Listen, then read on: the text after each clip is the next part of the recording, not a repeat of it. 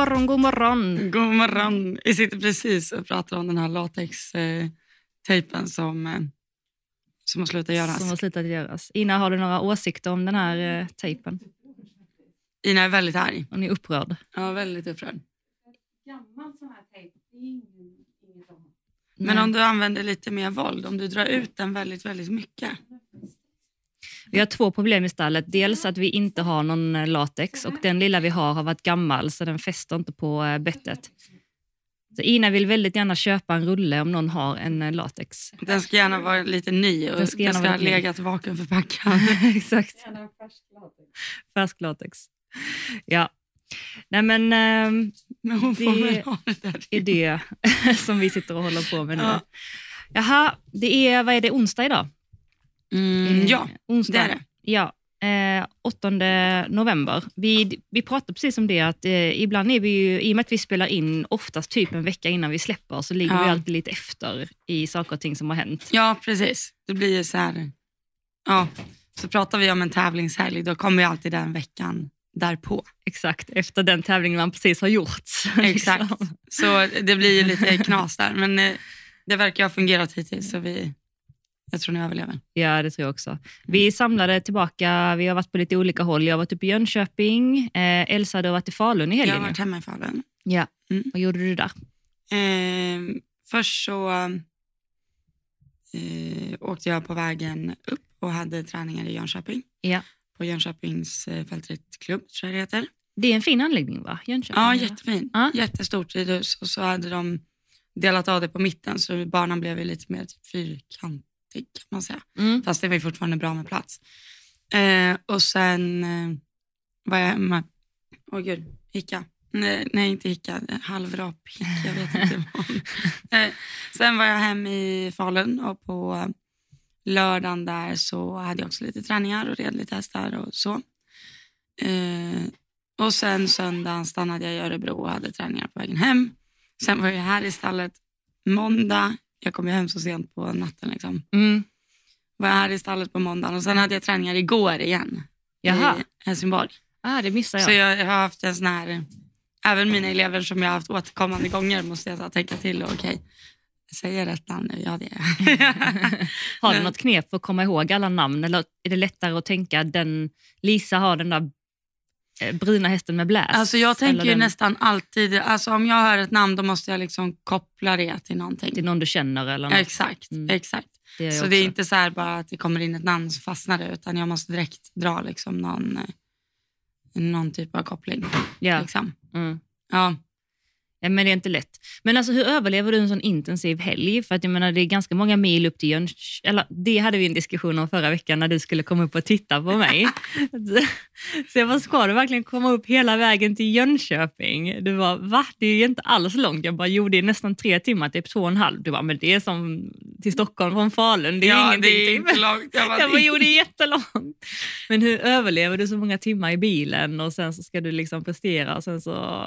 Men jag tycker det är ganska trivsamt att åka bil. Ja. Du gillar ju inte att åka bil. Nej, jag tror det är för att jag... Min, men min bil är ju ganska gammal. Eller, eller alltså, det här har vi också jag, pratat om. Alltså, det, är ju, det, är ju, alltså, det krävs ju lite komfort för att åka så långt. ja, men gör gör, jag har börjat inse det mer och mer. En bra farthållare, bra liksom, ljud. Mm. Om du pratar i telefon så måste det vara liksom, bra handsfree, alltså, så här, Mm. ljud i bilen. Ja, ja, har man en bra bil då är det ganska enkelt faktiskt. Ja.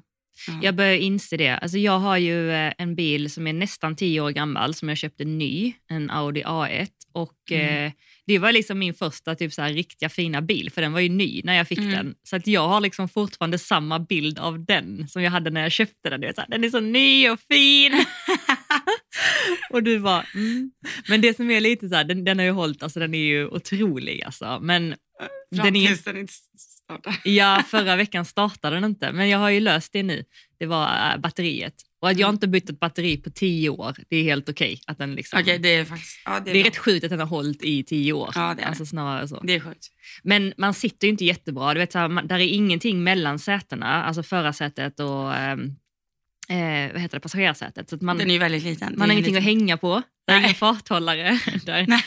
Eh, och eh, jag tror att eh, den, jag behöver börja köpa, tänka på en ny bil för jag tror inte den håller så jättelänge till. Så Nej. ja, jag, jag hör dig. Du kommer tycka det är lättare att vara ute och åka då. På Ja. föreläsningar och sånt. Ja, det är ju så. Jag kör ju oftast tre timmar till föreläsningarna, som max i alla fall. Nu pekar Ina på en hund tror jag. Vill du ha pallen? Jaha. Ja, jag sitter Hon vill på komma upp pallen en som. Ina vill. Uh, varsågod. um, men, uh, nej, men så det har du gjort. Jag har ridit dina hästar igen också. Mm. Det är Det ganska du. kul. Alltså att när man, när man har ridit dem eh, två gånger. Ja, Ja. och så var det ganska långt emellan också. Ja, det var det ju faktiskt. Ehm, Vad, vad har du att säga? Nej men eh, jag, som jag sa till dig, jag var jättepositivt överraskad. Jag tyckte båda hästarna kändes jättefina. Mm. Jätte, jättefina var de. Lasse kul. var otrolig. Alltså, han tyckte jag var mycket lättare för hjälperna. Han var mycket, fast nu hade han kanske vilat lite så han kanske var lite pigg och så men han kändes, han är så mjuk och fin och balanserad Mm. och allt. Jag hade honom eh, lite mer, eh, eller jag tror också så här, eftersom att jag ridit dem en gång innan så visste jag lite vad jag skulle börja Mm. med och sådär. Så jag hade honom lite mer, alltså i lite bättre form tror jag. Mm. Och sen Badou tyckte jag kändes mycket mer typ bärig. Ja, men det, det tycker jag också. Ja. Eh, och sen, eh, jag ska ju till Linnea och träna idag. Ja, Men eh, det är ju så här, jag glider ju lite på det ett tag efter träningarna. Men Mm. nu var det ändå i slut, alltså nu har han inte tränat på länge nej gud nej. och du är rädd. Ja. Så det borde ju ändå varit okej då. Alltså jag måste ha hållit det okej. Ja, verkligen alltså. Ja, men då är du taggad på eh, träningen idag? Ja. Ja. Och sen eh, tävlar vi båda i helgen i Helsingborg. Ja, det har jag faktiskt längtat efter. Jag har inte ridit i Helsingborg på jag vet inte hur länge alltså. Alltså, Alltså de har två tävlingar i höst tror jag. ja. Dels den här och sen en till. Och sen hade de för några veckor sedan också ju. Men då var inte du heller där. Nej, det Nej, var jag inte. var. Men jag gillar Helsingborg mycket. Mm. faktiskt. Det är väl den som vi har närmst liksom. Mm. Visst är det? Den och Ängelholm. Jag var i Ängelholm i helgen. Alltså, det var så Ja. skönt att åka 20 minuter till tävling. Alltså, det är otroligt. Ja, det är ju nice. Ja, verkligen. Men du hade bara med dig Kasse i helgen? Eh, ja, jag, Mm. precis. Kasse fick en egen helg där. Eh, hon var fin. Det var rätt så kul för jag hoppade en meter två gånger. Eh, Mm. Hon var ganska så här, um, ja, men som hon kan vara, lite spänd i första och jag tyckte att jag red alltså typ mitt bästa. Eh, jag hade två nedslag så resultatmässigt tror jag det var det sämsta någonsin med henne. Jag tror aldrig hon har haft, jag tror hon typ bara har varit nolla eller kanske haft ett ner. Mm. Eller ja, precis. Ja, okej, sista där i Lund var det mer. Men, ehm, men jag gjorde ett bra jobb liksom. Ja. Eh, och verkligen skolade henne och sådär. Och sen när jag gick in i klassen efteråt så kändes det som, verkligen som att jag fick ut någonting av det jobbet jag gjorde i första klassen. ja, du fick utdelning liksom. Verkligen. Ja. Och det är så roligt. Alltså Mm. det som jag sa till dig, det är det roligaste med ridning. När man känner att man har ett syfte med någonting, man vet vad man ska göra. Eller man har en idé om vad man ska göra och gör det. Mm. Och sen så känner man resultat redan rundan efter. ja. Alltså jag kommer att tänka på det. Mm. Jag har ju haft ganska mycket elever nu och då brukar jag alltid fråga om, om de har tävlat nyligen eller om de ska tävla och vad de ska rida och sådär. Och det är väldigt många som rider liksom lätt klass. Alltså om man tänker lätt A och neråt på ponny Mm. och 1,20 och neråt på häst. Som rider en klass per tävlingsdag. Alltså de är inte på meeting utan de tävlar en dag Mm. och rider en klass. Mm. Det gjorde man aldrig förut, eller? Mm. Jag tycker typ alltid att, alltså, alltid att alla har ridit två klasser. Mm. Antingen efter varandra eller två dagar. Ja, jo, men nu menar jag Ja. om du är på en dagars liksom. Jaha, du menar så? Att Ja. du hoppar två klasser? Ja. Jag tycker det är tvärtom. Typ. Ja, precis. Ja, precis. Att man hoppade oftast två klasser Ja, förr. Ja. alltid. Mm. Och nu är det väldigt många som åker och rider bara en klass. Ja. Och då blir jag så här, jag bara nej gud du behöver rida två. Eller alltså tävla, tävla, tävla. Ja. Alltså bara in med klasserna. Och då är det så här, alltså lätt D, lätt C på en ponny blir inte för mycket. Den blir inte trött. nej, nej, Om nej. den blir trött då till en lätt C, då, då har man eh, nog inte tränat ordentligt hemma. nej, precis. Och så om man tänker liksom antal språng, om man rider en, säger att man rider en lätt D, vad kan det vara, åtta hinder? Mm. Och så gör du kanske åtta språng på framhoppningen. Då är det 16 språng. När du är på en träning, du gör ju bra mycket mer än 16 språng. Mm. Mm. Så um, Ja, nej, där är en... eh, Fast det är lite roligt. Vi borde lägga ut en röstning Hur man brukar göra, ja. och se hur... Jag tycker det optimala för mig är att hoppa en klass om dagen. Jag gillar hellre att hoppa en klass lördagen, en klass söndagen än två samma dag. Ja. Fast typ med Cassie tycker jag det är jättebra att hoppa två samma dag. Jo, det beror lite grann på häst. Men det, hon är ju också på lättklass. Fattar du vad jag menar? Ja, ja, okej. Jaha, du menar så. Mm. Mm. Mm, precis. Hon är också liksom i träna på att tävla stadiet. Mm. Ja, precis. Då är, tycker jag det är väldigt gynnsamt med två klasser. Ja. Ja. Precis. Jag upplever också typ när jag med mina klienter och så, så är det många som har svårt att ladda om till andra klassen. Mm. Eller så, att de tycker att det, är, att det går oftast bättre i första klassen och de har svårt liksom att ja, men ladda om till nästa klass. Eh, och av den anledningen tycker jag det är jobbigt att hoppa två. ja. Jo, men det är nog, det ligger något i det. Jag, jag har nog aldrig tänkt riktigt på det. Jag har bara tänkt att det är skönt att vara en klass först så hästen är avspänd till nästa. Liksom. Ja, Det är min, min tanke. Men eh, och sen är det, alltså, vi behöver ju träna på att tävla. Alltså, ja verkligen. jag är för snål för att åka långt och åka och rida en klass. Ja, Speciellt när man är van att ha med sig så fyra, fem hästar på tävling. ja. Och sen åker man med en. Då Ja. är det så här, nej nej. Jag åker inte till Lund för att rida en klass. Liksom. Det händer inte. Nej. Nej, jag har nog gjort så. Jag har nog ridit en klass mycket, alltså per dag. Men om jag tänker sista tiden, typ Safira, Kalle, Fia. Och så har jag hoppat hell- hellre alltså, två dagar då istället. Jo, Har jag faktiskt. ja, men det, är- det är okej. Det är okej. Men nu ska faktiskt Cassie gå eh, tre dagar i rad första gången. Oh, Jag tror det blir jättebra. du ska rida söndagen också i Helsingborg. Eh, ja. Det ska ju inte jag. Ska du inte? Nej. Regnar det ute nu? Ja, Oj då. vad är det? Min häst är ute i sitt... Ja, vill du springa och pyjamas. byta täcke? Jag måste nog göra det. Medan eh, Elsa springer och eh, byter täcke på sin eh, häst som är, vad jag förstår det, ute i innetäcke och det började regna, så tänkte jag bara skulle läsa upp en eh, post som en av er, en tjej som heter Lea, eh, som eh, hade lyssnat på vårt avsnitt för några avsnitt sen och sen la ut en post på storyn och det hon skrev där tyckte jag bara var så himla bra så jag skulle vilja dela det. För att även om hon upprepade lite av det vi sa så skrev hon ändå saker själv. Och då skrev hon så här. Lyssnade på denna veckans avsnitt av ämnet förberedelser inför tävling när det kom på tal. Om hur det kan vara läskigt att förbereda sig väl och skapa så bra förutsättningar som möjligt, för då har man inga ursäkter om det går dåligt. Och det är sant, kanske, kanske så krävs det lite mod att våga vara sårbar, för det är ju vad man blir om man ställer upp med det här är vad vi är och vi har gjort vårt absolut bästa hemma och i förberedelserna. Eh, och går det inte bra nu så är det för att vi helt enkelt inte är bättre just idag. Det kanske är läskigt, men det är också trygghet. Trygghet i att ni är så förberedda som ni kan vara, att ni har gjort så gott ni kan. Visst kan det dyka upp oförutsedda saker, det kommer det att göra, och visst händer det saker eh, som inte ni kan påverka. Men den tryggheten och säkerheten det ger att faktiskt kontrollera det ni kan, den är guld värd. Dessutom kan man ju vända på frågan. För är det inte lite läskigt att veta att man hade kunnat göra det bättre om man hade velat? Jag tyckte det var så himla bra. Jag läste upp, nu har Elsa kommit tillbaka. Eh, Jag tyckte det var så himla bra eh, sagt att man kan vända på det också när man förbereder sig och sådär. Om man, om man inte förbereder sig och verkligen gör vad man kan så är det också ganska läskigt att komma till en tävling och veta att jag hade kunnat göra mer men jag har valt att inte göra det. Mm. Så det var bara ett, eh, ett sidospår medan du var och tog på regntäcke på din häst. Ja, jag skulle ändå rida honom sen så jag tänkte jag, ja, men då kan han gå ut i, gå ut i innertäcke. Men nej, det kunde han Det kunde han inte. Så eh, det var, nej. Ja. ja. Men jag har läst den där också, den var väldigt bra. Visst var den? Ja. Ja, väldigt bra. Jag ska verkligen, eh, alltså jag eh, ska förbereda mig ordentligt till helgen. Jag har, Ja. jag laddar för det. Ja. Men, Du ska tävlingsdebutera i helgen. ja just det, Bambi ja. Ja. Hon är dock inte anmäld än. Nej. Men vi se. Men tanken är att hon ska tävla. Ja, Är tanken.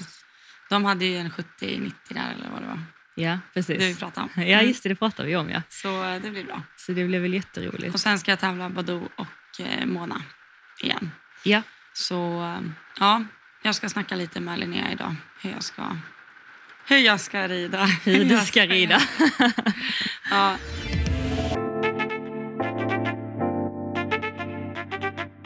Ja, men förra veckan så sa vi att ni hade skickat in lite frågor som vi inte hann besvara, så vi tänkte att vi skulle göra det idag ju. Mm. Och eh, Johanna har förberett här så jag, eh, jag snor ditt jobb och bara läser upp. eh, Hej, ni får jättegärna prata om tygellängd i podden, hur ni tänker. Vi alla vet ju att Henke rider med väldigt korta tyglar. Men som du Elsa som rider med ganska långa tyglar på Badoo men korta på Bambi. Hur kommer det sig att du inte rider Badoo på korta och så vidare? Självklart individuellt från häst till häst men ändå. Tack för en grym podd. Mm. Tack själv för frågan. Mm. Jag brukar, alltså både jag och Ina brukar gå runt här i stallet och eh, hypa dig Johanna för att du liksom rider med bra tygellängd hela tiden. Ja, ni säger det. Jag tycker Ja. ju inte det. Men eh, ja, Ibland rider du med väldigt långa men det, då fattar jag att det finns ett arbete med det liksom, eller ett syfte med det. ja. Men Ja. när du väl hoppar liksom, då, eller trimmar då tycker jag att du typ har samma på alla, alla hästarna. ja, det har jag nog. Jag har nog lite längre på Fia, Ja, tror jag.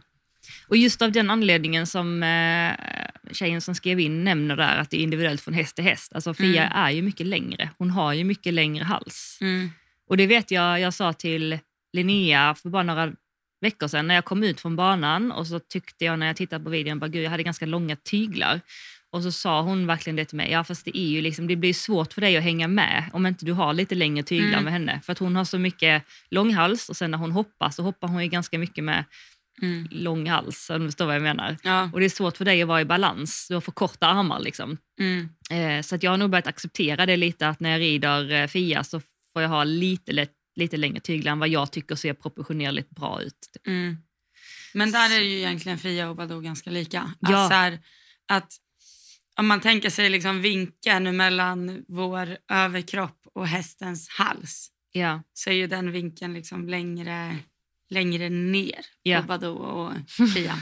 alltså de har halsen mer liksom rakt bara. ja. Den är ju verkligen inte, alltså den är inte uppåt Nej, när man hoppar dem utan Nej. den bara är, den är vågrätt. den är vågrätt liksom. Och av den anledningen skulle vi liksom sitta med kortare tyglar då skulle det bli på bekostnad av att vi måste falla fram. Ja. Och det är precis det de hästarna behöver hjälp med, att inte falla fram. Ja.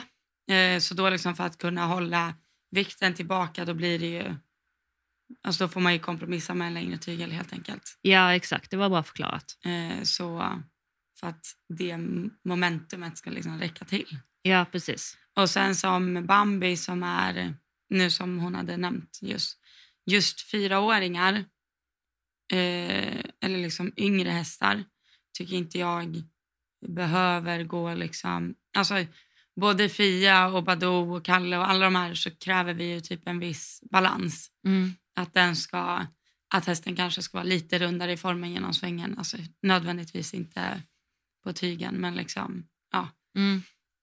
Medan en ung häst så tycker jag mer att jag bara vill ha huvudet lite upp och se till att den liksom egentligen håller halsen rak hela tiden. Mm. Jag liksom kräver ingen ställning eller böjning eller liksom någonting sånt utan jag vill bara ha halsen rak och vill att den ska tänka liksom över under igenom Mm. och Mm. ha liksom det tankesättet och då kräver det typ att man är lite, jag brukar tänka att tygen ska ligga om halsen på båda sidor, förstår du vad jag menar då? Ja. Att eh, när man, när man gör ett ledande tygeltag då blir det så att halsen trycker ut på yttertygen. Mm. Och den känslan vill jag ha med båda tyglarna Mm. hela tiden på en, väldigt, alltså på en yngre häst. Mm. Alltså, så att man liksom finns där för hästen hela, hela tiden.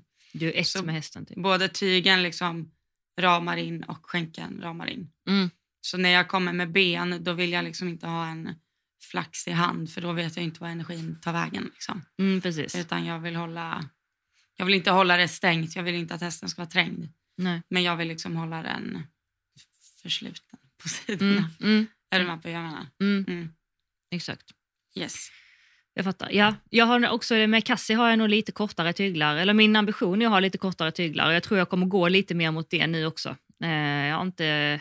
Ja, jag, tror jag har börjat rida med lite kortare tyglar. Jag tycker det är också skönt att ha henne lite mellan hjälparna. Sen så är hon så känslig ibland så det känns som att ibland så behöver jag kompromissa lite grann och typ eh, länga lite grann av olika anledningar. Men eh, jag tror att eh, Cassie och Bambi, alltså jag, Cassie är nog mest mot Bambi-hållet av mina hästar.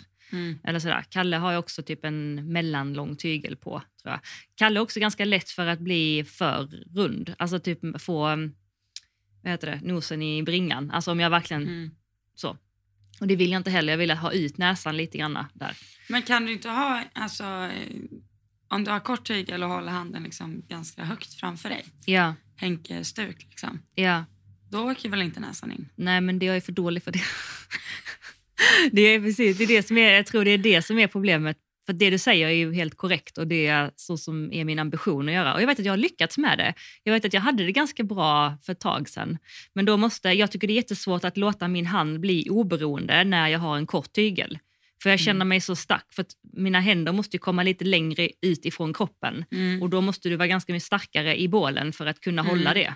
Mm. Och där känner jag att jag har liksom lite sämre koordi- koordination för det och liksom styrka, eh, oberoende position för det. Mm. Så då tycker jag inte att jag behärskar det. Det blir väldigt lätt att jag blir hä- alltså hängig i handen och det vill jag inte. Mm. Men jag det är bra att du påminner mig för jag behöver träna mer på det. För det är ju Mm. optimalt om jag kan rida så. Alltså jag tänker just, alltså just Henke Mm. eh, som har, alltså hans signum tänker vi är väldigt korta tyglar. Och jag, han har ju också väldigt långa armar. Men det är inte så att han har så pass långa armar så han sitter helt upprätt. Liksom, för det gör han ju inte. Nej, han är ganska Han är ganska mycket över hästen och med ganska böjda armar Mm. och har ändå väldigt kort tygel. Alltså, där måste man nog se alltså, hur enormt mycket framåtbjudning han har i sina hästar. Mm. För det känns ju inte som att han någonsin behöver komma med ben. Liksom. Nej. Utan de är där i handen och matar på konstant. Liksom. Mm. Och det är som att han, alltså, han styr hästarna i manen så som vi har pratat om förut. Mm. Han bara, han bara håller handen där och liksom Mm. gungar runt. Nej men gungar, men du fattar. Mm. Bara tänker vart han ska. Och det känns ju aldrig som att han kommer med ben för att liksom sparka fram dem till handen. Nej. Och där är ju lite svårigheten med Kalle kan jag tänka mig. För kortar du upp tygen där, Exakt. då måste du motivera med jättemycket ben Mm. för att han ska för att han ska mata på där och inte bara göra nacken kort och bara, "Ah, nej då sätter jag av. Exakt. nej, men, Jo men det är Typ, som du ja. säger, det är därför det också känns svårare med honom. Ja. för där är ju samma sak med Lasse. Där kan jag ju tänka mig att jag kanske har lite längre tygel ibland fast jag inte behöver det av den anledningen att jag vill sitta lite bakom hästen och driva på. Liksom. Mm. Inte för att jag vill sitta, inte för att jag vill tippa honom och hålla honom i balans på bakdelen utan mer för att jag vill känna att jag har hästen framför mig. Liksom. Mm. Och kortar du tygen och är lite framme på bogen på hästen då är det ju svårare att känna att du har den framför dig. Gud ja. Mm. Du måste ju också ha lite mer, eh, ja, men lite häng. Alltså när du har en korta tygla vill du ju ha liksom att som du säger att hästen matar på sig själv bakifrån och att du Ja. har en kontakt fram. Mm. Ehm, ja, precis. Nej men det... ehm, Men det där är ju så himla olika. För det, tänk typ Willem Greve som jag tycker rider otroligt bra också. Alltså som jag såg, eh, eller jag fick upp ögonen för honom verkligen i Falsterbo när han red Nations Cup där. Mm, Han sitter ju verkligen ner i sadeln rider med ganska långa tyglar. Alltså han får det typ 1,60 och ser ut som cavaletti-jobb. mm, Och inte alls liksom sådär står upp i sadeln och är med hästen. Och, alltså, Nej. det ser inte ut att vara, knappt ut att vara liksom en snabb sport när han gör det. nej. Utan han gör det väldigt så här kontrollerat och runt verkligen. Mm, Så, men jag vet inte, jag tror inte, jag tror inte att han hade kunnat gjort det jobbet Henrik gör. Jag tror inte att Henrik hade kunnat gjort det jobbet han gör. nej. Utan det är ju bara alltså, ens stil. Ja, alltså verkligen. Och hur man föredrar att rida. Ja, och vilka hästar man föredrar att ha i stallet, det måste man ju Mm. också tillägga. Mm. Det kan ju hända att Fia eller Badou liksom aldrig hade satt sin fot i Henrik och Neckermans stall. För att deras balans är inte, passar inte hans ridning. Liksom. Mm, ja, precis. Eller förstår du vad jag menar? Mm. Ja, verkligen. Jag tror att det är jätteviktigt också att man eh, försöker göra det, alltså att man inte försöker bli för mycket copy, alltså någon annan. För att alltså, all den energin man använder till att ändra sin ridstil helt, alltså nu menar inte jag förbättra sig, utan om, man, om jag helt plötsligt ska börja rida som eh, typ Rolf-Göran, Mm. jag kommer aldrig kunna göra det.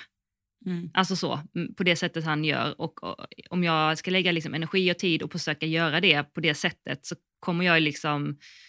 Jag kommer aldrig dels nå det och sen är det bara onödigt att jag försöker för jag kan lika bra lägga den energin på att förbättra min sits och Mm. alltså, utifrån mina förutsättningar göra det så bra jag kan. Mm. Alltså så. Sen tycker jag det är bra med inspiration och hela tiden bli bättre. För det tycker jag att vi alla ryttare har som ansvar, att hela tiden utveckla oss och bli bättre. För jag, jag kan se ibland ryttare som man har sett typ för tio år sedan, alltså på ponnytiden, liksom, Mm. Som rider exakt, exakt likadant idag. Ja. Ehm, och det är inte liksom för att döma någon alls. Eh, jag kan liksom, men jag kan liksom bara tänka så ibland att fastän man måste, man måste utveckla sig. Alltså Mm. man måste bli bättre, man, man måste ha den, ehm, eh, vad heter det, liksom, det drivet att bli det. Alltså dels för sig själv men också för sin häst, att vara så bra man kan Mm. Tycker jag. För att ju bättre position du har, desto mer ett är du med hästen, desto mer lättare blir det ju för hästen att ha dig på ryggen om du är oberoende och eh, har bra balans och är, är följsam och sådär. Mm. Det tycker jag vi är skyldiga våra hästar att... Ja, gud ja. Och samma sak där, alltså, du, eller vi båda brukar ofta prata om att, liksom, att bena ut saker och ting. Mm. Det blir väldigt svårt att kopiera en ryttare, en annan ryttare helt. Utan du vill ju tänka så här, okej vad, är- vad behöver jag göra med mitt skänkeläge? Mm. Vad behöver jag göra med min hand? Vad behöver jag göra med ja, eh, allt i min sits liksom. Ja, Att det blir väldigt svårt att bara ta och sen ändra allt på en gång. För det Mm. går ju typ inte. nej gud nej.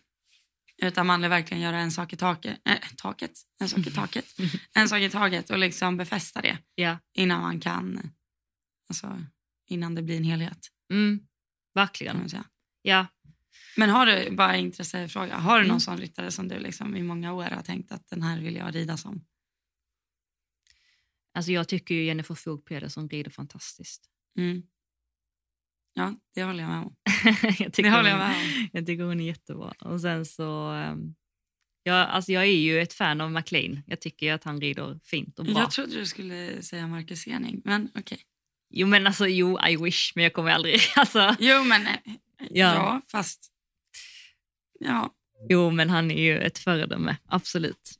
Men Ja. jag definierar mig kanske mer med Jennifer Fogh. Alltså jag Mm. ser ju liksom mer likheter mellan oss. Liksom. Mm. Och att eh, jag skulle kunna närma mig henne alltså på ett mer sätt än vad jag kan närma mig eh, Marcus Ening. På mm, grund av deras stilar och eh, kroppsform och allt. Liksom. mm.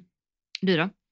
Eh, Jag under eh, mina typ så juniorår, då hade jag Luciana Denise Mm. som jag eh, tog jättemycket inspiration ifrån. Och eh, jag vet inte om det, jag tror inte det syntes överhuvudtaget. Det, eller det var nog, jag tror jag tänkte, alltså redan då liksom tänkte jag idén av att jag borde kolla på någon som är typ lika lång som mig Ah, och en tjej. ah, Liksom ah. att det, att det blir enklast att ta inspiration av någon. Typ som dig, jag fattar att du kan rida, eller fattar att du tycker att McLean Ward ri- rider jättebra men det blir väldigt svårt för dig att, dig att försöka. Hämta ja. där, liksom. Ja, absolut. Ja. Gud, ja, absolut. Eh, men, eh, och sen, sen typ 2018 då så har det varit Linnea Mm. bara. Mm. Och det har du, alltså du, du rider likt Alltså Linnea. det är, det är faktiskt ganska många som har sagt det men jag, alltså jag kan ju inte se det för jag har ju sett henne på mina hästar. Mm. Och jag kan ju inte göra det jobbet hon gör. Alltså det, Nej, det går ju inte. jo. Men, och sen tycker jag att jag har varit typ i en... Jag tycker att när jag tränade Bell för henne ett tag där, då liksom försökte jag verkligen kopiera, vilket fun- alltså det funkade bra. Mm. Eh, och sen när jag började tävla lite mer hästar och lite andra, då märker jag att min liksom stil ändras ganska mycket. Ja, okej. Mm. Alltså typ, Sarat- när jag red Saratoga så var det inte likt Nej. alls. Liksom. Men då hade du lite så jockey-style. Eller lite Jo, men exakt. korta tyglar och lite... Ja, exakt. Ja. Eh, och mitt skänkeläge försvann ju där. Det, det liksom gick ju och dog 2022. det börjar väl, börjar väl komma tillbaka. Men, eh, Men jag tycker att ni rider väldigt lika. Jag kommer aldrig kunna rida alltså, som dig och Linnea. Alltså, ni har så långa ben. Mm, Ni har så liksom en helt annan... eh, alltså det fattar jag att du är avundsjuk på nu. Ja. För det märker jag på Bambi, bara när jag rider henne på marken. eh, Då har jag två hål längre på läderna. ja. Sen har jag två hål kortare när jag hoppar. Ja. Också för att när man rider unghäst att man vill kunna vara lite mer med hästen. Liksom. Ja, exakt. Eh, och inte liksom, ja, man vill vara lite jockey när Ja. man hoppar unga hästar. Ja. Men, eh, och det blir helt annan liksom inramning. Ja. Märkte jag Ja, igår. Så det är så du känner. det är, ja, det är så gött för att ni är liksom om hästen hela tiden och så Ja. kan ni bara så här krama lite i vänster vad där och så flyttar hästen sig. Och, jag får liksom så här ta ett Nej, jag vet stort... inte riktigt om det är så det. Eller jag skulle nog mer säga att så här, momentumet från, alltså från stigbygeln upp till min överkropp, att det är den som blir mycket starkare. Ja. Ja, liksom, sätter jag bara in liksom armbågen mot sidorna Mm. och rätar på mig och låter skänken följa med, då får jag en jättestark hand. Ja, Liksom. ja, Och det kommer ju inte du åt på samma aldrig. sätt. Nej. Det märker jag jättestor skillnad när eh, Sara, mindre syrtränare, rider framförallt på Fia. Då säger hon så här, gud alltså hon är så rolig att rida. Eh, alltså Fia, hon är så lätt för hjälperna. Alltså så, det räcker att du bara rätar upp dig så kommer hon tillbaka. Mm, du bara, Och jag bara, vänta nu, sitter vi på samma häst? Alltså nej men alltså verkligen. Eh, och Fia är tydligen väldigt känslig för hjälparna. Men jag, när, när, och Sara är ganska lång, eller hon är väldigt lång ryttare. Mm. Så att när hon bara tänker, jag sätter mig lite tillbaka till, i sadeln, då kommer hon ju med ganska mycket vikt bak där. Mm. Men om jag ska uppnå samma vikt, då behöver jag ju liksom hänga mig tillbaka och Ja. sätta mig på svanskotan liksom, Ja. för att få samma effekt. Mm. Så att jag måste ju rida med aggressivare, inte aggressivare, alltså mer hjälper, mer mm, alltså tydliga hjälper för att få samma. Och det tror jag eh, är som du säger att när man är längre från liksom höfterna och ner så har du ju mer tyngd, tyngdpunkt, du har ju mer häv. det är en hävstång. Ja, exakt. Och, och om, du tar typ, om man tar en pilatesboll, tar man en jätteliten, typ Mm. så här, som om jag sätter mig på den med min, jag är 1,60, om jag sätter mig på den och har den är så pass liten och så pass stor att när jag sitter på den som om jag satt på en häst så når jag ner med båda benen och Mm. kan ha båda fotplattorna i. Mm. Då har jag ju otrolig kontroll över den. Alltså så här, Mm. Mm. Men om vi tar typ så här en fyra gånger större där jag sitter på den, där mina ben går längre ut och jag Mm. Ja. når inte marken. Helt plötsligt så blir jag ju ganska odominant. Mm. Alltså så, jag är ganska hjälplös på den där bollen. Mm. Det är lite samma sak. Ja, ja gud ja. Alltså så. Och nu var ju du ganska... Eller är Kalle smal att sitta på liksom. Mm, ganska smal. Ja. Alltså. Men eh, alltså, jag tror du hade känt jättestor... Du måste rida Vera eller Bambi någon gång. jag tror Vera hade varit man magisk för ju mig att med rida. benen rakt ner verkligen. Ja, Alltså de är så smala över liksom bog, bogpartiet och, och deras eh, ribs liksom. ja, För där är ju Cassie väldigt så här, hon är ju Tjock. nej, men inte tjock men hon är så här, hon känns typ, eh, hon är ju absolut inte en grov häst. Nej. Men om du tänker dig att hon är mer, Hon och Fia är ju samma. Ja, de är är liksom, eh, De är bigigare, ja. Eller hela hästen är liksom bredare. bredare. Ja, Ja. exakt. För där, eh, ja. Jag gillade inte att sitta på såna, såna här tiny. Nej, du Men gillar nu har jag det. lärt mig, Ja. tror jag. Du gör det bra. Men du får ett annat skänkelläge när du rider Vera versus typ Badoo eller Lasse. Jag får det. Mm. Den är mer rakt ner. Liksom, mer. Ja, du ser annorlunda ut liksom. Mm. Man får, liksom, du får en annan stil typ. Ja. Eh, Men det är inte så konstigt heller. det är nog bra. Ja.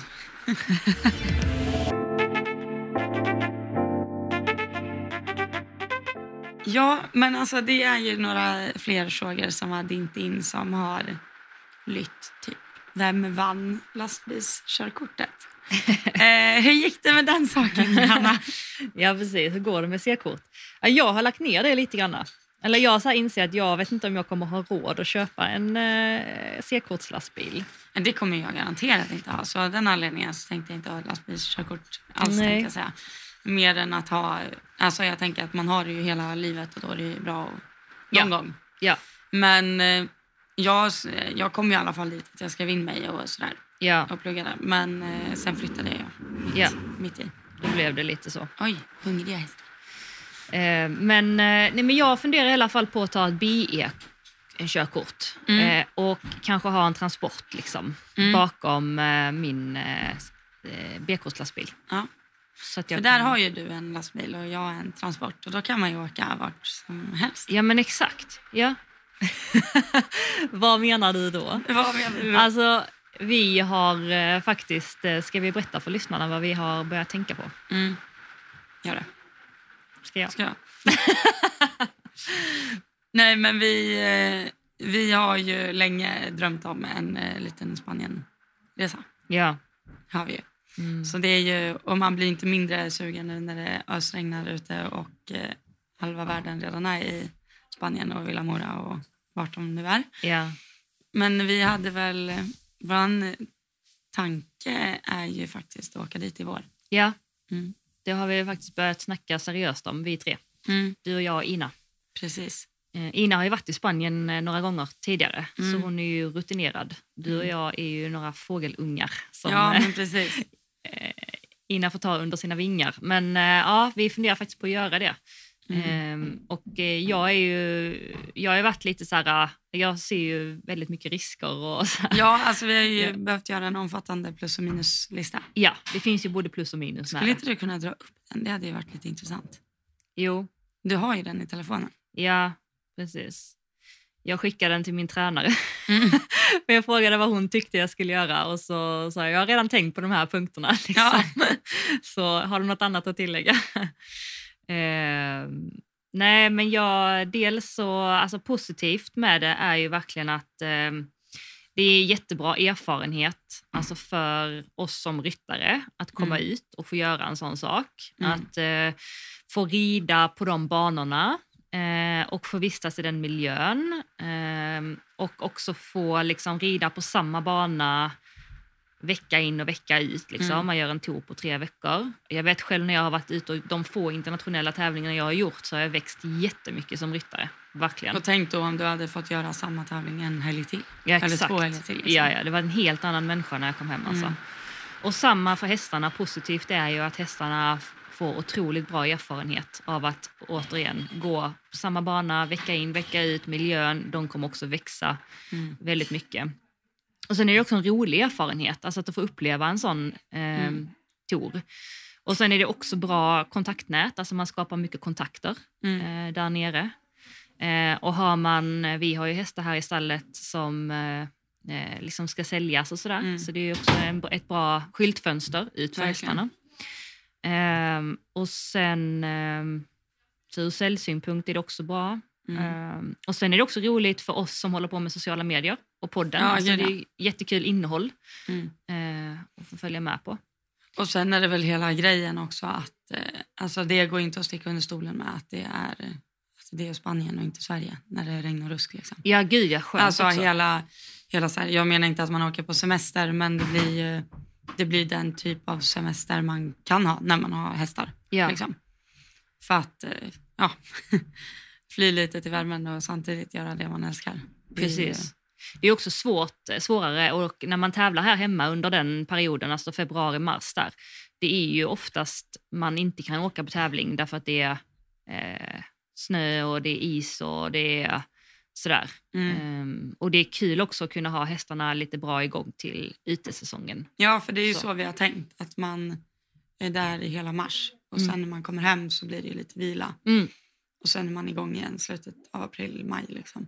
exakt. Så har man hela utesäsongen och sen åker vi till Spanien igen förresten.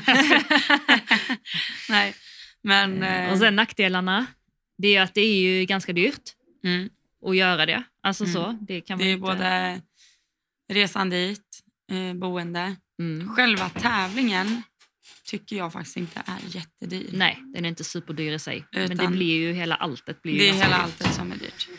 Ehm, och sen ehm, är det ju liksom så här... äh, om någonting händer så är man ju ganska långt hemifrån. Man är ju borta med sina hästar en lång, längre tid. Liksom. Mm. Och sen... eh, Men där är ju jag, alltså jag, är- jag är med dig där. mm, Man har inte sin hemmaveterinär och allt sådär. Men tycker vi att det är hästtätt här, mm, det är liksom när man åker igenom Europa. mm. Det är Då har man ju ännu bra. mer. Det var det jag skulle komma till. Att det finns ju otroligt bra veterinärer och hästmänniskor. Liksom På vägen ner. Ja, på Ja. vägen ner. Så, och sen eh, sista nackdelen är väl eh, också liksom, jag är lite rädd för IHVn, alltså Mm. så. Jo, det vet väl säkert alla, Ja, alla hästmänniskor om i och med att jag har varit och är utbrott Exakt. i Spanien. ja.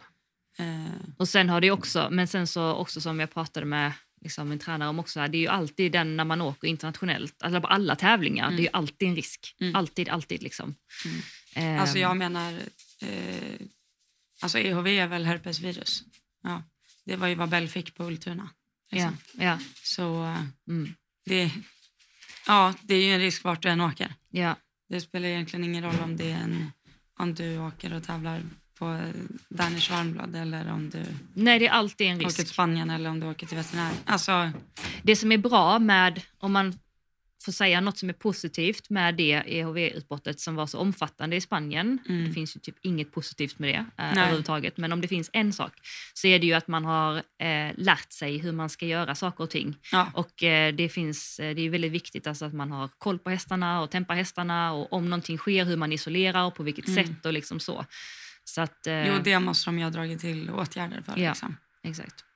Och sen får tillägga, vi tänkte åka till Oliva Mm.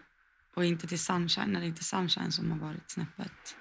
Jag vågar inte svara på vilket Nej, jag som vågar var... inte heller det, men jag tror att Sunshine är mer omfattande och ännu mer... Det är ju större där Ja. också. Det är också eh, lite längre ner i Spanien eller sådär. Det är också Det är ytterligare ett ett stopp. till. Liksom. Mm. Mm. Så, eh, nej, det är alltså riktigt, eh, riktigt eh, magkittlande att tänka på, eh, Ja. på det faktiskt. Ja, herregud. Man vill ju träna ännu mer då. Ja, Man vill inte åka verkligen. dit skära sig. eller? Nej. Jag sa ju att jag skulle sluta tävla. Hur blev det här? Just det. Mm. Ja. Nej, du, så många också som har skrivit fina ord till dig efter. Ja, och jag tror, jag tror att folk missuppfattade mig lite där. Det är kanske också mitt fel lite, för jag spädde på det lite. Ja, för det är inte det att jag vill sluta med hästar eller sluta rida, inte så. Utan jag menar bara att jag vet inte. Det känns också som... Alltså så här, nu har man ju hur många år på sig att tävla som helst, men det känns som att jag så här halkar efter för att jag har gjort väldigt mycket unghästar och hemmajobb och sånt där. Mm. Att man vill gärna, det känns ibland som att det är väldigt, väldigt långt bort där, där man vill vara. Ja, Men där är ju Spanien ett steg på vägen. Hästarna måste ju tävla och jag måste tävla. ja. Jag pratade faktiskt med en av mina alltså, bästa kompisar, Ebba. Nu var det länge sedan jag nämnt Ebba här i podden. Men vi, eh, Välkommen tillbaka Välkommen Ebba Larsson. När ska Ebba gästa podden? När ska Ebba gästa podden? Nej, men vi pratade väldigt länge. Där, eh, jag tror det var typ samma dag som vi hade poddat. Mhm. Och då sa hon det till mig. Hon bara, alltså, alltså, jag har alltid sett dig som ryttaren som liksom är duktig, är duktig hemma, gör sitt jobb, har egentligen känslan men får liksom aldrig till det på tävling. Och jag tycker typ det också. Att jag har, jag tävlar ganska mycket men jag tycker heller aldrig att jag, att jag känner att jag är så här, att jag är tävlingsvan. Typ. Nej. Men kan du poängta ut vad du känner att du fattas tävlingsmässigt? Nej men, eh, ja. Det här med mentalt förberedd kanske kan ju vara Nej men alltså allvar, har du liksom tänkt igenom? mm. Nej men jag tror... Ja. Nej. Nej, det har jag nog inte. Nej. Nej jag, ska, jag, ska inte, jag ska inte sitta och höfta ut något nu. För nej, jag har inte tänkt på det. Jag har bara tänkt att jag behöver mängden av tävling. Liksom. Ja. Att jag behöver träna på att tävla mer. Men det är ju som du säger, jag tror, jag tror att jag liksom... Alltså för att bli bra så kan man inte göra saker med en klackspark. Liksom. Nej. Nej. Ja, men det kanske, är, det kanske är lite så då. Alltså mm, att eh, organisera det du gör lite mer. Mm. Eller typ så här... Ja, jag vet. Och sen tror jag också så här att jag har sagt så himla länge att ja, men jag är här för att träna på att, alltså, träna på att tävla. Precis som du säger med Cassie just nu. Mm. Jaha, här, du är inte där för att När tävla. var jag på en tävling senast För för, att att tävla. tävla? Mm. Nej, gud nej. Det var ju länge sedan du var det. Alltså, det var väl med Saratoga några gånger i somras. Ja, Då det. gick det i och för sig bra. Ja. Gjorde det. Ja, det gjorde det. Men eh, Du gjorde ju det bra. Alltså du gjorde ju faktiskt tävlandet bra när du tävlade. ja, Rida snabbt och fjällfritt. ja, Mm. men Men du, du har ju inte heller haft hästar till det. Nej, jag vet. Men jag kan ju fortfarande se till att tävla de hästar jag har. Alltså, Tävla för tävla eller tävla för att träna. nej men tävla, alltså, tävla för tävlandets skull. Jag har ju fortfarande två stycken sjuåringar. Det är väl klart att de kan gå mot klockan 1.20 liksom. Ja. Ja. Alltså nu är de ju inte riktigt Jo. där. Men då är ju samma problem igen. Så mamma, jag behöver åka till Spanien. Har du bollat det med mamsen? jag bollar med mamsen. ja. Mm. Jag försöker också bolla det med Andreas och han tycker det känns sådär. Nej, han är jättesupportive, det är han. Ja. Men eh, det blir ju att Nej men det är ju borta så, ett tag. alltså, den enda, enda nackdelen med en sån här grej är ju att det är dyrt. mm. Det är ju det. Alltså den största nackdelen. Mm. Eh, och där, Gud. alltså jag tror inte, jag tror inte ens vi kan förstå hur mycket.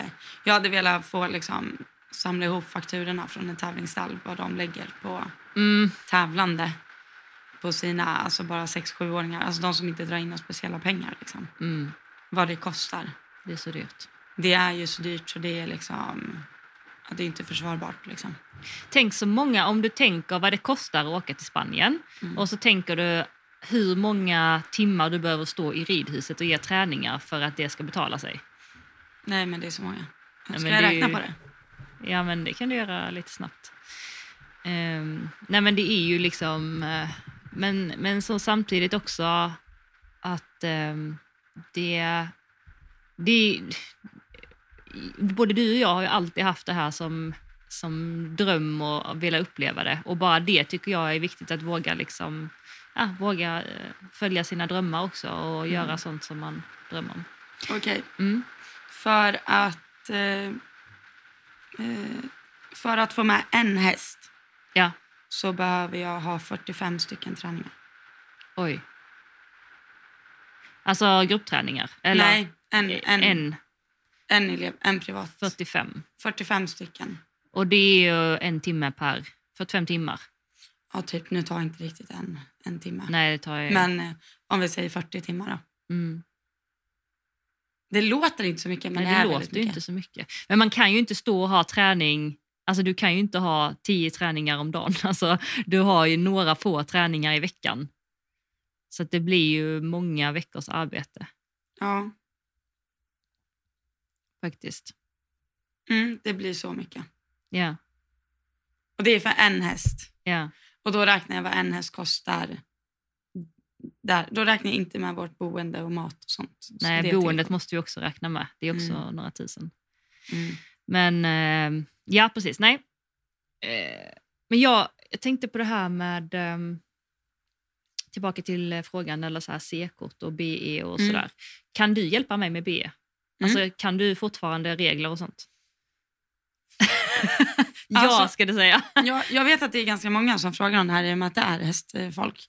Så det var, även när jag tog det så var det många som frågade. Så jag kan dra igenom lite, lite snabbt hur Ja. jag gjorde. Jättegärna. Eh, jag tränade själv. Eh, köra med släp tycker inte jag är speciellt svårt. Nej. Så det jag tränade på var framförallt att backa med släp. Mm. Och då ska du kunna backa runt hörn Mm.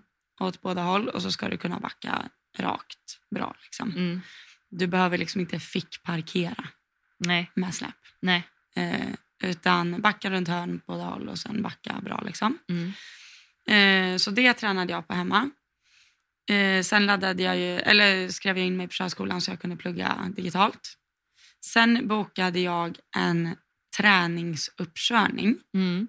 och då bokade jag en körskolas bil och släp. Mm.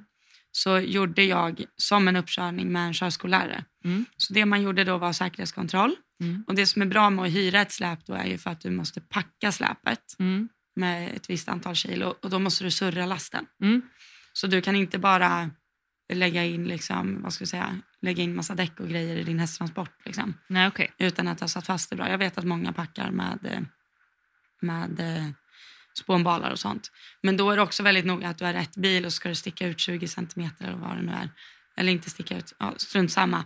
Det viktiga är att du har en passande bil till det släpet du kör så du inte kommer till uppkörningen Mm. och så inser de att släpet är för litet för Ja. din bil. Aha. För ja. då är det inte ett godkänt ekipage att köra upp med. Ah. Eh, så därför hyrde jag allt av körskolan Ja, för att det skulle vara så korrekt som möjligt. ja. Och då träningskörde jag då en timme med det här ekipaget. Okej. Så vad jag gjorde då var säkerhetskontroll. Jag visade hur jag hade surrat lasten då. Mm. Sen ska man göra... Och det hade du pluggat på och tränat hemma på och surra den lasten då? Nej, för den var ju redan surrad i släpet jag hyrde av körskolan. Jaha. Mm.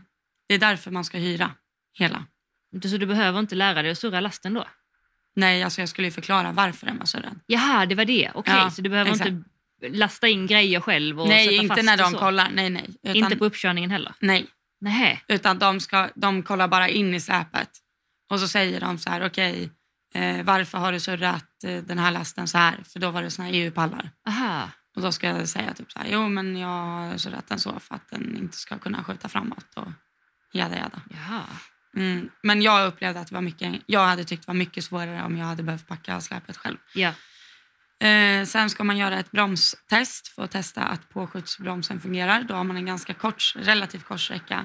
Ska du gasa upp till typ 30 och sen typ trampa på bromsen så som du aldrig gör med en hästtransport. Liksom. Och så ska man se att påskjutsbromsen fungerar. Mm. Och sen kör man ju en sväng. Och när man kör, så det enda jag fick på backning på var att jag gasade och bromsade för långsamt. Ja. Och då sa jag ju det att det är för att jag tänker att jag kör med häst. Mm. Så är du till exempel på, ska du upp på en påfart på en 110-väg, Mm. Då ska du hellre verkligen upp i 80, kanske 85 till och med för Jaså. att matcha in i trafiken istället för att puttra på i 70 in där liksom. Men Så var det att- okej? Alltså, godkände de det argumentet att du tänkte att du hade häst? Jo, han godkände det men han, eh, han sa det liksom att eh, det var gränsfall. Ja, okej. Liksom. Mm. Men eh, okej, hellre att du kör kontrollerat. Och sen sa jag det också, jag bara, men min tanke är ju att jag inte får snudda över 80 liksom. Han bara, så kör du i 83 så är inte det hela, Nej. hela världen. Nej. Hade jag märkt att du ligger och rullar, alltså, rullar i 90 då är det inte okej. Nej. Men eh, alltså, du ska ju smälta in i trafiken Mm. så bra som möjligt Mm. egentligen. Mm. Fast att du har släp. Eh, det var väl egentligen det. Men det är nog mitt bästa tips att eh, boka en testuppkörning Mm. och att hyra bil och släp av körskolan. Så du, det enda du egentligen gjorde det var två gånger på körskolan. Dels testuppkörningen och sen uppkörningen. Ja, Och sen bara plugga själv och testa, Mm. träna själv. exakt. Ja. Det var vad jag gjorde. Okej. Eh, och jag gjorde faktiskt allt på första försöket. Ja, det är duktigt. Och själva teorin tycker jag var väldigt mycket vanliga frågor. Alltså jag fick upp datumparkering Ja, ja. på mitt prov. Så jag tror inte det är, det är inte så att det enbart är lastfrågor. Liksom. Nej. Vad kostar det typ? Cirka? Oj, det minns jag inte ens. Nej. Jag kan inte uttala mig alls. Några tusen. Nej, exakt. Ja. Ja, precis. Nej, men jag vet att eh, Torstenssons har fått in en ny eh, släp som Mm. är med stuteriinredning. Mm, så som, du jag har. Ja. Ja. Eh, så jag är ja, jättesugen på, eh, på det. Jag, Mm. Ängslig som jag är som person så gillar jag inte att köra hästar med bommar. Alltså så, Nej. varken i B-kortare eller i eh, transport. Men den såg riktigt eh, säker och fin ut faktiskt. Mm. Och jag vet att du också, det är ju så smidigt för dig att ha som du... ja, jag har är det. otroligt nöjd med min. Ja. Den där är ju liksom att man går miste om något packutrymme. Liksom. Man måste ställa in hästarna först och sen kan man ställa in grejer. Just det, nej, du har ingen sadelkammare Nej, jag har ingen den. salkammare. Nej. Nej. Eh, så Men det du- är ju det enda negativa. Har inte du lite packutrymme fram? Eller alltså bak på släpet men framför hästarna? För de åker ju baklänges. Nej, det är just stuteridörrarna direkt. Är de direkt? Mm. Och sen har du som en liten trekant där bakom hästarna. Mm. Liksom fram på Och släpet. sen är ju den trekanten är ju liksom samma golv, så kissar hästarna ah, och du har grejer på backen, då är det ju... mm, Ja, precis. det är inte bra. Nej, det är inte bra. Nej, men, eh, så det blir en del grejer i bilen då, min stackars bil. Ja, Ja, ja. Ja. Eh, jag tänker att vi ska ta en avslutande fråga. Mm. Eh, och eh, den lyder så här. Eller nu, jo så här. Ehm, nej, vänta nu. Jag måste ta upp den här. Det är lugnt. Jo. Hej, jag har en fundering. För ett tag sedan så la Elsa upp på storyn att tillskott inte botar någon häst. Rätt träning är det bästa. Eh, har ni olika åsikter i detta om man ska ge ett tillskott eller ej? Vore intressant att höra åsikt om detta. Tack för en bra podd. Du blev Mm. lite attackerad där va? Ja, men det var ju för att jag drev lite. Men för de som inte har sett, berätta vad du la upp då. Nej, men jag var ju och tävlade eh, Badoo i Båstad. Ja. Och sen eh, var det, jag tror de hade typ ett så datarum på kortsidan eller något. Eller det stod dator, alltså de kanske höll på med resultaten där. Och till det rummet så, så här släckte och tände de. Mm. Eh, så då tror jag de tände precis när jag skulle förbi där eller någonting. Så han hoppade till. Mm. Mm, Och då la jag ut eh, den videon på story när han eh, hoppade till. Och så skämtade jag och skrev liksom att här, om jag ändå hade gett han lite magnesium innan så hade inte det här hänt. Och eh, det här var ju ironi. Mm. Eh, men det var ju många som trodde att jag var seriös. Eh, och sen var det de som tyckte att det var jätteelakt för att jag, att jag typ gjorde narr av dem som gav sina hästar tillskott. Och så är det ju absolut inte. Men jag tror på att ge tillskott i den mån av att hästen har brist på någonting. Mm. Då hjälper ju tillskott. Men annars är det ju precis som oss människor. Du kan ju inte liksom du kan inte söva dig själv med magnesium. Liksom. Nej. Sen är det nog folk som, jag vet att det är jättemånga som tar magnesiumtabletter innan de ska sova för att sova gott. Men alltså snälla det här. Alltså, läk, alltså, alltså läkemedelsindustrin är ju också pengadrivande. Ja. Det är inte så att någon har Men kommit tillskott på... är inte läkemedel. Nej, inte läkemedel men jag tänker om du går in på apoteket och så ser du att så här, magnesium sleep well. Ja, ja. Ja, ja, att ett, ett försäljningssyfte. Det är ett Ja. försäljningssyfte liksom. Mm, mm. Eh, så nej, jag menar inte att eh, tillskott för häst är läkemedel. För det är också bara tillskott. Men jag tror, alltså jag tror generellt att eh, absolut, har du, har, misstänker att din häst har brist på magnesium, ge den magnesium. Men ge den en skopa magnesium. Den kommer inte bli tröttare av fem skopor Ja. magnesium. Jag tror verkligen inte på det. Nej, nej. Eh, och då är det så här, och där menar jag bara att jag tror att man liksom försöker hitta typ så här, inte undanflykter, men att det är många som så här, tror att det är en lösning på problemet. Mm. Så här, ja men kan jag, kan jag hitta någonting som kan göra min häst lugnare eller något som kan göra min häst mer så eller något som lossar på dens muskler och sen ser man när personen rider och så springer den som en giraff och eh, i fyrtaktig galopp. Liksom. Då är det så här, ja, det är inte så konstigt att hästen är stel. Mm. Alltså det är så jag resonerar. Ja, men du resonerar ju att alltså, man behöver ju ha en bra grund först. Att liksom Ja. se till så att hästen eh, rids Mm. korrekt och Mm. rids bra och har bra rutiner och Mm. får liksom allt den behöver. Ja. Eh, och sådär. Ja. Innan man eventuellt då kanske tänker på ett tillskott. Eller Ja. så här, om man nu vill fylla upp någonting som inte är, eh, om man har brist på någonting. Jag fattar. Mm. Eh, ja, men min, alltså, just med, det var intressant med magnesium, för magnesium tar jag ju själv. Och jag har ju alltså, en sjuk effekt på det, alltså verkligen. Med min axel. Jag får, så fort jag inte tar magnesium så får jag ju typ kramp i min axel. Och när jag tar det Mm. så eh, får jag inte det. Eh, så att just där av den anledningen så tycker jag att magnesium är ett av de tillskotten som absolut liksom hjälper eh, mest. Sen Mm. tar jag ju typ själv tillskott, typ B-vitamin och eh, omega-3 och sånt. Där märker jag ingen skillnad. Alltså, jag tar det för att jag tycker det känns bra att ta det. Liksom. Eh, Men just magnesium har gjort stor skillnad för mig personligen. Mm. Eh, Ja, då köper jag det. sen, eh, ja, sen så tycker jag också som du att det viktigaste är att man ser till så att alltså allting eh, att man gör så bra man kan med hästen innan man lägger på tillskott. Att tillskott är ju inte lösningen på saker. Jag tror det kan vara det lilla extra om man behöver någonting. Exempelvis om det är magnesium eller om det är typ som jag ger eh, Kalle, han får gastrivett alltså Mm. för sin mage. Han har ju mycket liksom eller har haft, inte så mycket längre, men eh, lite orolig mage och Mm. lite så känslig mage. Och det gjorde ju jättestor skillnad på honom när jag hade det eh, i början där eh, Mm. och har det som underhåll nu. Så att eh, ja, jag är för det.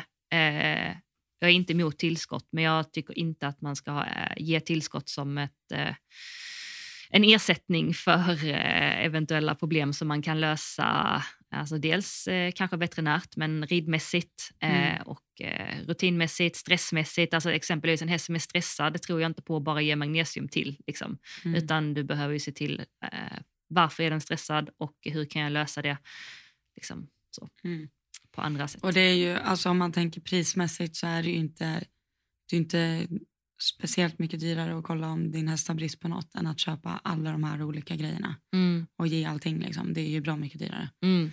Än att eh, liksom, se till att ha en bra höanalys. Och, Allt det först. Bra Kolla. analys, bra Ja, foder exakt. och sen komplettera med om man exempelvis vill ha eller behöver ha Och, liksom, och jag ger mina hästar liksom, bra mineraler och kollar man på det så, så innehåller ju de mycket av det här. Alltså många mineraler innehåller selen och magnesium och, och Mm. mycket av det. Magnesium är ju en, alltså en Ja, det är ju mineral. en mineral. Mm. Så mycket av, eh, alltså många av de där grejerna är kanske redan i fodret du ger. Liksom. Mm.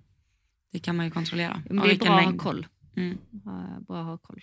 Men, Mm. eh, men jag tror, jag har, alltså jag, som sagt, i och med att jag har haft så sjukt stor skillnad på det Mm. själv.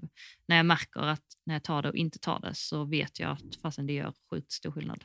Ja. Men eh, som, eh, som jag sa där, det, det ska inte användas som ett, vad heter det, som en, eh, Som ett komplement. Eller, Eller som, man- som en lösning. liksom. en lösning på någonting som är ett problem som kommer från något annat. Men eh, alltså sen fun fact, alltså, om man kollar typ de ställena jag har varit ute på och eh, antingen provjobbat eller något sånt där.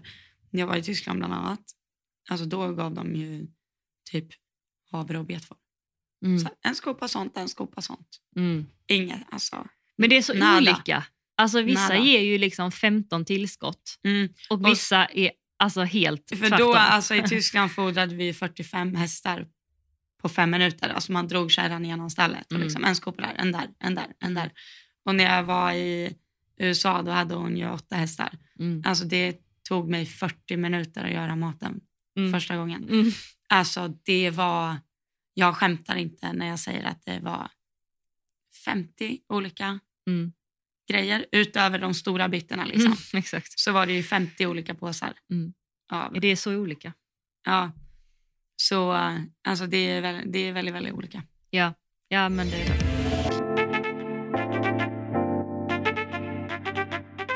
Ja, men vi ska väl get going med våran dag idag va? Ja, Vi ska hoppa lite hästar, jag ska träna och du ska ha föreläsning. Var ska du idag? ska till Orust idag. Orust, Ja. trevligt. Ja, Nej. travar, ja men typ utanför. Ja. Mm, västkusten deluxe. Yes. Men eh, om ni vill eh, stötta vår Spanienresa kan vi säga nu då. så eh, får man jättegärna skicka in en eh, swish Mm. till eh, 1232 981 231. Och vi vet såklart att det är eh, dyrt att ha häst och är knapert just nu. Men eh, vi hade uppskattat det jätte- jättemycket. Mm. Så vi kan fortsätta med det vi, det här, det vi gör. Och sen har vi också lite planer för vintern Ja, som vi hoppas kunna... Ja, vi får sätta oss ner med det. Se om vi ska outa något där. ja exakt. Mm. Ja, verkligen. Eh, nej men tusen tack vänner för att ni har lyssnat idag. Tack för att ni stöttar vår podd vecka in och vecka, Vecka in och ut. vecka Och jag ut. vet att det, jag får väldigt, vi får mycket DMs om hur man kan stötta podden på, eh, alltså utomlands. För det är många Mm. faktiskt som lyssnar utomlands som är svenskar. Liksom. Eh, och vi har inte en lösning på det just nu men vi ska se hur vi ska Ja. göra kring det. Men eh, återigen, tusen tack för att ni lyssnar. Ni är otroliga. Ni är bäst. Puss och kram! Puss, hej.